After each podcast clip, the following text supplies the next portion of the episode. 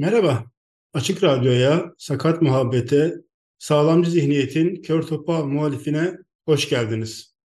Ben Alper Tolga Akkuş. Bugün 15 Kasım 2023 Çarşamba.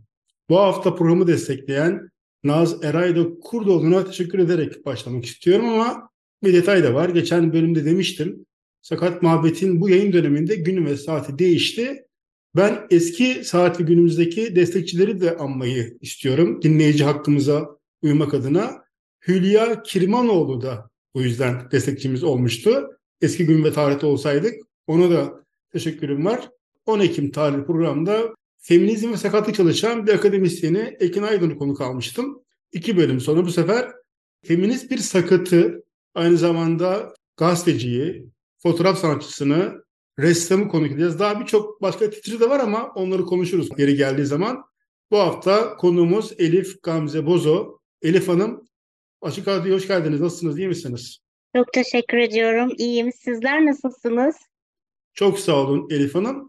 Önce sizi tanıyarak başlarım istiyorum programa. Çok kısa ben birkaç detay verdim ama tabii yetersiz onlar dinleyiciler için. Elif Gamze Bozo kimdir? Sakatlığınızla dair bilgi vererek özetleyelim isterseniz öyle başlayalım programa. Tabii ki 1984 Ankara doğumluyum. Dünyaya cam kemik hastası olarak geldim. İlk ve ortaokulu normal herkes gibi e, örgün eğitim aldım. Daha sonra sağlık sorunlarımdan dolayı açık lise ve açık öğretim fakültesinden devam etmek zorunda kaldım. Biliyorsunuz ki Türkiye'de erişebilirlik konusu hala büyük bir problemken benim için biraz daha hastalığımla beraber daha da zorlaşmıştı. Daha sonra üniversite yıllarımda halk ilişkiler ve gazeteciliği okurken bir televizyon ve gazete kuruluşunda muhabirlik hayatına başlayarak ben de iletişimde iç içe olmaya başladım. Yani hem iletişim fakültesini okuyup hem de iletişim alanında çalışarak başladım. Bu süre zarfında fotoğraf hayatıma girdi. Çünkü Gazetecilikte mecburen fotoğraf çekmek zorunda kalıyorsunuz. Haberi yapmak için işte video görüntüleri, kayıtları almak zorunda kalıyorsunuz. Habere gitmek zorundasınız. Video kaydı almak zorundasınız. Ve belgesel haber montajı, montajlayarak başladım. Daha sonra haber sunmaya başladım. Daha sonra televizyonlarda işte meclis haberlerine giderek işte zaman zaman engel hakları üzerine eylemlerde haberler yaparak Sonra daha sonra üniversite tamamladıktan sonra Ankara Fotoğraf Sanatı Derneği de sevgili hocam Can Gazi Alem'den eğitim aldım fotoğraf sanatı üzerine. Çünkü fotoğrafçılık hayatımın bir parçası olmuştu yazıyla beraber. Dört kitabım bulunmakta. İlk kitabım İlle de Hayat, Gitmek için gelir aşk, kambur güvercin ve kendime engel olamıyorum Senegal ve tabii çok özür diliyorum. Beş kitap. Daha sonra da görsel olarak hem şiir hem de resimli bir kitap hazırladık. İsterseniz sorulara sırayla gidelim çünkü birden tamam. ben anlatmaya başlayınca beni Yok. susturamıyor bilirsiniz. Estağfurullah. Ya yerimiz 20 dakika 25 dakika ama bir daha konu alırız. Hiç sıkıntı değil. Tabii Şimdi ki. sizi ben tanıtırken şey demiştim bir başında. Feminist bir sakat demiştim. Onu da biraz açayım. Hakkınızda Femtrak haber sitesinde bir biyografi var bir, bir sayfalık. Bu Femtraksis'inin de sloganı dikkatimi çekti benim. Orada şey yazıyordu. Dünya dişidir, dişi dişlidir diye bir sloganları vardı. Bu da dikkatimi çekti. Geçen iki, iki bölüm önce de feminizm sakatlığı sakat olmayan bir akademisyenle konuşmuştum. Şimdi sakat bir bireyle feminizm konuşalım. Engelli Kadın Derneği üyesi olduğunuzu da belirteyim ben tam yeri gelmişken. Feminizm ve sakatlık kesişiminde Neler bize söyleyebilirsiniz Elif Hanım? Aslında kadın olmak ve engelli olmak iki taraflı bir çok yani ayrımcılığa maruz bırakılıyoruz. Öncelikle böyle bir başlayayım. Engelli kadın kimdir tanımlamasını yapalım önce. Hem engelli olmaktan hem de kadın olmaktan ötürü çok yönlü ayrımcılığa maruz kalıyoruz. Dolayısıyla kadın hareketinin, kadın mücadelesinin bir tarafı da feminizmden besleniyor. Ve feminizm yani dünyada algılanandan daha farklı aslında bir mücadele. Çünkü engelli kadınlar bu alanda yeteri kadar kendilerini gösteremiyor, ifade edemiyor. Mücadelesini daha doğrusu ifade edemiyor.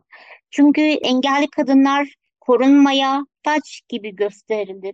Ki bu aslında bir noktada da haklılık payları var mı yargıların veya, veya ailelerin ama şu bir gerçek ki biz engelli kadınlar çok fazla koruma altında tutulduğumuz için toplumda hayatımızı sürdürebilmek adına çok fazla görünür olmuyoruz. Ne siyasette, ne akademik kariyerde, ne sanatta, ne sporda çok fazla engelli kadınlara rastlamanız mümkün değil.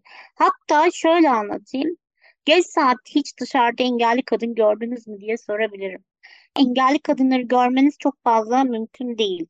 E, son zamanlarda ben çok fazla dışarı çıktım ve gözlemlediğimi aktarıyorum. Hep engelli erkekler dışarıda. Yani ve engelli erkekler daha çok yardıma ulaşabiliyor ve veya sorunlarını anlatmakta engelli erkekler daha fazla ön planda. Şöyle bir şey yapacağım. Şimdi ben bilgisayardan bir yazımı da açıkçası açıp hani birden bir de oradan sizlerle bir şeyler paylaşmak istiyorum. Elbette, elbette. Evet. Türkiye'de engelli kadınların şiddete maruz kalmasıyla ilgili bir çalışma yürütüyorum şimdi. Ve bu arada hazır yeri gelmişken de ifade etmek isterim. Engelli kadınlarla ilgili 25 Kasım Kadına Yönelik Şiddetle Mücadele Günü'nde biz 23 Kasım'da bir sergi açacağız. Engelli kadınları anlatan ve engelli kadınların haklarına vurgu yaparak bununla ilgili yani çalışmalarımı da aktarmak istiyorum. Şöyle ki şimdi biliyorsunuz ki Türkiye'de engelli bireylerin sayısını bilmiyoruz. Bu başlı başına bir sorun aslında. Türkiye'de en son yapılan nüfus sayımında 2011 yılında yapılmış bu. Nüfus ve konut araştırması ile yani elde edilen statistiki bilgiler Türkiye'de %6.9'u engelli olduğu biliniyor ama bunun ne kadar engelli kadın olduğu bilinmiyor. Ve en önemli konulardan biri de Türkiye'de eğitimde engelli kadınların sadece yüzde beş üniversite eğitimini alıyor. Bu oran engelli erkeklerde yüzde dokuz, engelli kadınların yüzde otuz dördü okuma yazma biliyor. Bu oran engelli erkeklerde ise de daha fazla oran çıkıyor. Tam zamanlı istihdama katılımda da engelli kadınların %12.6'sı istihdama katılıyor. Bu oran erkeklerde %33. Şimdi buradaki eşitsizliği vurguladığımız zaman engelli kadınlar daha çok mücadele etmesi gerektiği aslında ortaya çıkıyor ve ailelerin de bu konuda yeteri kadar engelli kadınlara, engelli kız çocuklarına önem vermediği de ortaya çıkıyor. Biliyorsunuz ki Türkiye'de şöyle bir durum da var ataerkil sistemden kaynaklı, eril olmaktan kaynaklı bir çoklu ayrımcılık var. Yani engelli hem de kadın olduğu için bir eksiklik olarak görüyor ve aile kesinlikle bu konuda bir mücadele göstermiyor. Yani evde kalması, evde tutulması ve şiddete de maruz kalıyor engelli kadınlar. Bir de engelli kadınların şiddete maruz kaldığı zaman adalete erişimi de düşük çekiyor. İşte konuşamıyorsa veya fiziksel olarak yetersizlik varsa kendini ifade etmekte zorlanıyorsa kesinlikle uğradığı şiddeti bir başka mercilere ulaştıramıyor. Bu da bir sorun. Feminizmi işte tam olarak buraya yerleştirmek gerekiyor. Yani kadın mücadelesini tam bu noktada aslında yerleştirmek gerekiyor. Feminizm belki Türkiye'de çok hoşgörülü ya da iyi bir şey gibi gösterilmeyebilir ama kadın mücadelesinde feminizm bir hareketi yani feminist hareketi bu alanda önemli. Yani kadın mücadelesini daha çok vurgu yapan, kadını daha çok ön plana çıkaran bir yapı aslında. Bir görüş ya da bir grup e, diyebiliriz. Bir de şunu da ifade etmek istiyorum toplumsal cinsiyete dayalı çok da güzel bir çalışma daha yürütüyoruz. Konuşma zamanı gibi İstanbul Kadın Müzesi ile beraber yaptığımız çalışma var 2021 yılında. Bunun da şöyle bir güzelliği var. Etnik kimlikleri olan her dilden kadınları bir araya getirdik. Sözü ve sanatıyla da kenti donatmak diye bir çalışma yürüttük. Toplumsal Cinsiyet Merkezi ve İstanbul Kadın Müzesi ile beraber yapılan bir güzel çalışma oldu ve İstanbul'un birçok yerinde billboardlara asıldı. 25 Kasım Kadına Yönelik Şiddetle Mücadele Günü'nde Ve burada da işte ressamlar, fotoğraf sanatçıları ama sadece kadınlar tabii, söz yazarları, işte şairler, edebiyatçılar, kadınlar bir araya geldik. Bir slogan geliştirdik. Şimdi bu sloganı 23 e, Kasım'da kadına yönelik şiddetle mücadele gününe vurgu yapmak için 25 Kasım'a vurgu yapmak için engelli kadınların şiddetini anlatmak adına bir sergi açacağım. Ankara'da Türkiye Barolar Birliği'nin çatısında yapılacak bu sergi. Serginin adı da Saçlarımı savururum, haklarımı savunurum olacak serginin başlığı. Böylelikle hem kadının, engelli kadınların hem kadınların haklarını savunmak için böyle bir çalışma yürütmekteyim. 25 Kasım'a da şurada bir 10 gün kaldı zaten. Tam denk gelmiş sizin konukluğunuz. Bu arada bir müzik yayınlıyoruz her hafta biz dinleyicilerimize ve konuklarımızın seçmesini istiyoruz. Siz bir müzik seçtiniz mi? Anons eder misiniz dinleyiciler için rica etsem? Tabii hemen Van Gogh'un eserlerinde yansıtan bir müzik vardı, klasik müzik. Onu nasıl gösterebiliriz? Şimdi ben de bulamadım. Yok Tabii. bana gönderdiniz zaten. Ben okuyayım isterseniz. Bende bilgisi var. Tamam. Ben okuyabilirim. Virginio Aiello on piano. Yani Virginio Aiello piyanoda çalıyor. Eserin ismi Van Gogh diye ben aldım. Evet. Onu dinliyoruz o zaman. Sakat Muhabbet devam ediyor. Bu hafta Cam Kemik Hastası bir sakat haklar aktivistini Elif Gamze Bozo'yu konuk ediyoruz. İlk bölümde feminist bir sakat olmayı, onun hikayesini konuştuk. Şimdi Elif Hanım siz dediniz ki ben bir cam kemik hastasıyım. Cam kemik hastalığı hakkında bilgi verir misiniz? Nedir cam kemik hastalığı ve dünyada ve Türkiye'de cam kemik hastalarının yaşadıkları sorunlar, bu konu hakkında farkındalık ne düzeyde? O konuda bilgi almak istiyorum sizden uygunsa. Tabii ki cam kemik hastaları kemiklerin kolayca kırılabilmesi yani aslında tıbben osteogenesis imperfecta latincesi yani deniliyor ama Türkçesi cam kemik hastalığı olarak biliniyor kemiklerin kolayca kırılabilmesi, iç organların alt sınırda olması, göz beyazında mavilikleri olması, diş bozuklukları, işitme kaybı gibi en belirgin özelliği 8 tipi bulunmakta. Ben tip 3'ün e, ara formundayım. Yani ne ağır ne hafif bir derecem var. Cam kemik hastalığı Türkiye'de aslında hastalar kendileri öncelikle tam olarak bilmiyorlar. Yani bu hastalığın getirdiği komplikasyonları, bilmiyorlar. Yani bunu suçlamak anlamında söylemiyorum. Çünkü Türkiye'de nadir hastalıklar bilinmediği için de can kemik hastalığı da bilinmiyor. Ama doğuştan hani direkt doğduğu andan itibaren tanı alan hastalar da var. Ama can kemik hastalığın şunu da söyleyeyim özellikle bazı can kemik hastası arkadaşlarımız şunu farkında olamayabilirler. Ben sonradan can kemik hastası oldum dedikleri anda şunu söylüyorum. Hayır, cam kemik hastası zaten bu geni taşıyordun. Sadece hastalığının evresini çok geç fark edildi. Ama cam kemik hastalığı sonradan olunmaz. Doğuştan bu hastalığı, bu geni zaten taşıyorsunuzdur. Can kemik hastalığın Türkiye'de maalesef ki doktorlar dahi tam olarak nasıl bir tedavi yöntemi izleyeceği konusunda yeteri kadar bilgi ve yol izleyici değil. Bu konuda da Ankara'da belli üniversite hastaneleri bu alanda çalışıyor.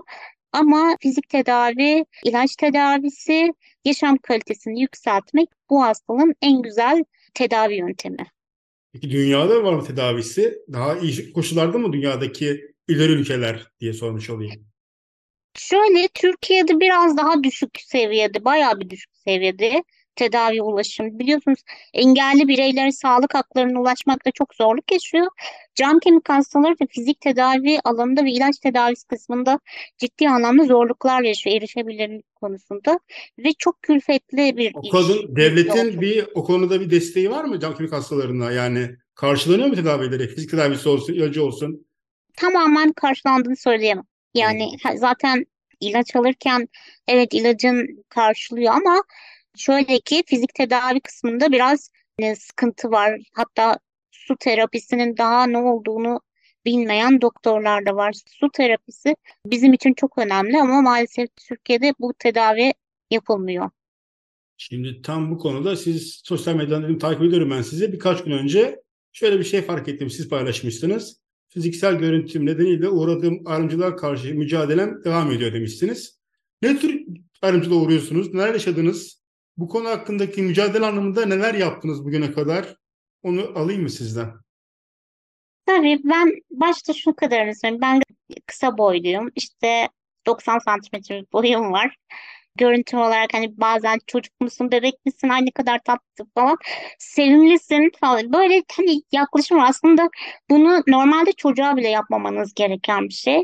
Yani izin almadan bir çocuğu nasıl sevemeyecekseniz engelli bireylere de aslında yaklaşırken bile demek bile istemiyorum yani. Çünkü çocuk da engelli kadınlar da aslında eşit. Dünyadaki her şey, her canlı eşit. Bunu da vurgusunu yapmak isterim. Şimdi engelli kadın olduğum için işte kısa boyluyum, işte ne bileyim saçlarım işte sarı falan filan neyse. Çok sempatiksin, güzelsin. Engellisin ama çok güzelsin. Engellisin ama çok güzelsin. Kelimesi bile o kadar rahatsız edici ki. Yani görüntün kötü ama yüzün güzel gibi. Hani aa sevimlisin. Yani bu kelimeler bir kere kadını yani kadın her şekilde aşağılanıyor baktığımız zaman. İşte hep televizyonlarda da fark ederseniz dizilerde de muhteşem bir görüntü olması lazım bir kadının. İşte televizyonculuk hayatımda oldu. İşte ekrana yakışacak mı? Makyajı şöyle olsun, görüntüsü böyle olsun. Yok çok özür diliyorum hani burnu küçük olsun, yok tipi böyle olsun falan filan neyse, yok kilolu olmasın, zayıf olsun. Hep bir tek model, tek bir çerçeve çizilir kadınlar için. Aslında kadının varlığı, var etmesi, e, toplumda üreten, ürettiğini ortaya koyabilen, kendini ifade edebilen her insan çok değerli ve kıymetlidir. Bir kere burada mutabık olmamız lazım toplum olarak. Yani engelli olmak, benim görüntümün küçük olması aslında onlarda vicdan rahatlatması. Yani beni severken ya da bana yaklaşırken vicdanlarını rahatlatmak için yapıyorlar. Yani bendeki o e, kendilerindeki eksikliği ve yüzleşemediği, toplumun kendisiyle yüzleşemediği engellik algısını bu şekilde kapatmaya çalışıyorlar. Bu bir aslında çoklu ayrımcılığı getiren bir durum. Ben üreten bir insanım her şeyden önemlisi kendimi ifade edebilen, ayakları üzerinde durabilen, bu, bu dünyaya, bu ülkeye üreterek ürettiklerini sunabilen bir insanım. Onların anlayacağı şekilde anlatayım. Ben bu ülkeye hizmet vermiş bir insanım. 14 sene bir çağrı merkezinde özel bir şirkette çalıştım ve hizmet verdim. 7 senede gazetede çalıştım, hizmet verdim. Demek ki benim fiziksel görüntüm değil, benim yaptıklarım kıymetli ol, olmalı bu ülke için. Çok sevdiğim bir arkadaşım var yurt dışında. Kendisini yıllar önce kaybettik. O da cam kemik hastası gazeteci. Stella Young şöyle bir cümle söylemişti bir konuşmasında. Sizi özel kılan engeliniz değil, sizi özel kılan ürettikleriniz ve düşüncelerinizdir diye. İlham pornosuna çevirmeyin engellileri diyerek bir başlık atmıştı konuşmasında. Gerçekten de öyleydi. Türkiye'de maalesef hala bize yüklenen bir misyon var. Ya mağdur olmamız gerekiyor ya da ilham kaynağı olmamız gerekiyor. Aslında herkesin yaptığı işiyle de ön planda olmalı ya da e, yaptığı işten dolayı insanlar saygı duymalı, düşüncelerine saygı duymalı, insan olarak saygı duymalı, canlı olarak saygı duymalı. Bilmiyorum benim daha fazla konuşmayayım isterseniz. bu, bu sohbet bayağı uzar. Çok, çok ince bir yere dokundum galiba. Çok böyle çağlaya çağlaya konuşasınız var diye sesiniz öyle görüyor bana en azından. Ya ben er, erkek bir sakatım. Bana da şu denir hep yani paylaşayım. Kalbi güzel. o çok komik bir şeydir yani. o kalbi güzel şey. Yani hiçbir yerinde bir numara yok da işte kalbi güzel. Çünkü bazen de kelime kendi güzel ama onun tonlamasında anlıyorsunuz ayrımcılık olduğunu, sizi ezik gördüğünü, o tonlamada, o ifadede anlıyorsunuz zaten bunları. Bir de Engel Seminer Festivali'ne siz gidiyorsunuz her sene galiba. Ben fotoğrafını gördüm. Buradan da Ezgi evet. Yalın Alp, onun da kurucularından birisi Puruli Türk Sanat Vakfı'nın da içinde olan bir Ezgi Hanım. Ona bir selam gönderdim. Ya güzel bitirelim. Sakatlık konusu acı bir konu, bizi yıpratan bir konu. Sakat olarak biz mutsuz değiliz. Yani ne bileyim hayattan bezmiş değiliz ama öyle görünüyoruz. Bununla uğraşıyoruz ama sinemadır, tiyatrodur, sanattır, hayatın her keyif alanında varız. Var olacağız zaten. Siz de olduğunuzu biliyorum. Süremizin tabii sonları geldi ama bir güzel sinemayla bitirelim. Engel Filmler Festivali'nden ne önerirsiniz, neleri izleyelim, siz ne izlediğiniz gibi ve son sözlerinizi de alayım aynı zamanda. Tabii.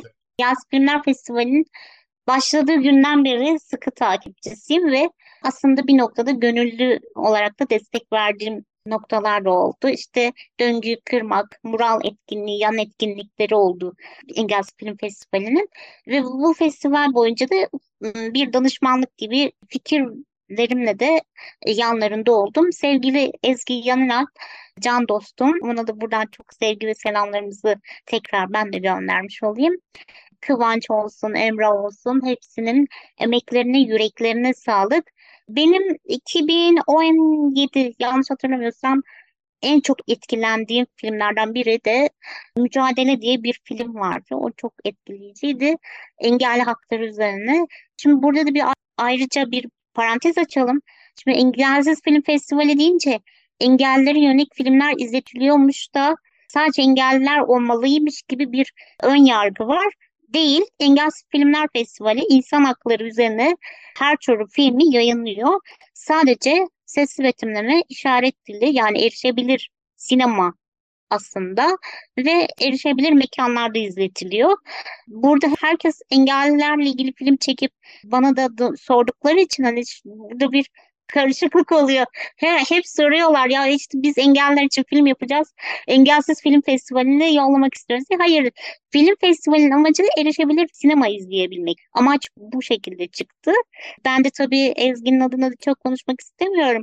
Yanlış bir şey de söylemek istemiyorum sonuç itibariyle. Yani onu konuk alıp sadece bunu konuşalım Ezgi Hanım'la. Öyle diyelim. Evet. Öyle ilerletelim. Son sözlerinizi evet. alayım o zaman ben sizin. Evet. Film festivali gerçekten çok kıymetli. Ekibe çok teşekkür ediyorum. Her sene de düşüncelerimizi kıymet verip bizimle yol aldıkları için Engelli Kadın Derneği'nin de e, fikirlerini ve düşüncelerini aldıkları için ayrıca teşekkür ediyorum. Çok güzel bir başlık atmışsınız bu arada sakat muhabbet olarak. Sakatlığı anlamayıp hakaret gibi algılayanlara da buradan güzel bir cevap olmuş aslında sakatlık kelimesi aslında bilimsel bir gerçekliktir. Bilimsel gerçeklikten uzaklaşmadan güzel bir sohbet oldu. Çok teşekkür ediyorum. Bu bölüme de sakat feminist desem sizin için ne bileyim yani şey olur mu? Yoksa iyi olur mu? Aklıma gelen bir başlık o da size sormuş olayım ben. Sakat feminist desem nasıl hissedersiniz? Yani olur mu olmaz mı diye sorayım şimdi. Neden olmasın? Zaten tamam. kadın haklarını savunuyorum. Zaten sakatım. Yani. Benim için hiçbir sıkıntı yok. Bu tarz kelimelere çok takılmamak da lazım. E, sadece neyi ne kadar algıladığımız ve nasıl hitap ettiğimiz ve nasıl yaklaşım ve iletişim kurduğumuza bağlı. Ben bu, bu iletişim için ayrıca teşekkür ediyorum. Emeğinize sağlık Alper Bey. Rica ederim. Tanışmış olduk Elif Hanım. Bundan sonra da öneri, eleştiri, konuk da alırız. Önerirsiniz de. Her zaman açık sakat muhabbet açık size. Ve tüm sakatlara da açık aslında. Çok sağ olun. Bu hafta Sakat Muhabbet'te Elif Gamze Bozok, sakat bir feminist, fotoğraf sanatçısı, ressam, hukuk okuyor öğrencisi. Oralara giremedik çünkü yerimiz kalmadı artık. Bunun dışında işte sinema seyircisi, muhabir, onu konuk ettik ve her şeyi konuştuk aslında. Bu hafta Naz Erayda Kurdoğlu destekçimizdi. Sakat Muhabbet'te sakatmuhabbet.gmail.com'dan Twitter, Facebook ve Instagram'dan ulaşabilirsiniz. Bir dahaki programda görüşmek üzere diyorum. Hoşçakalın.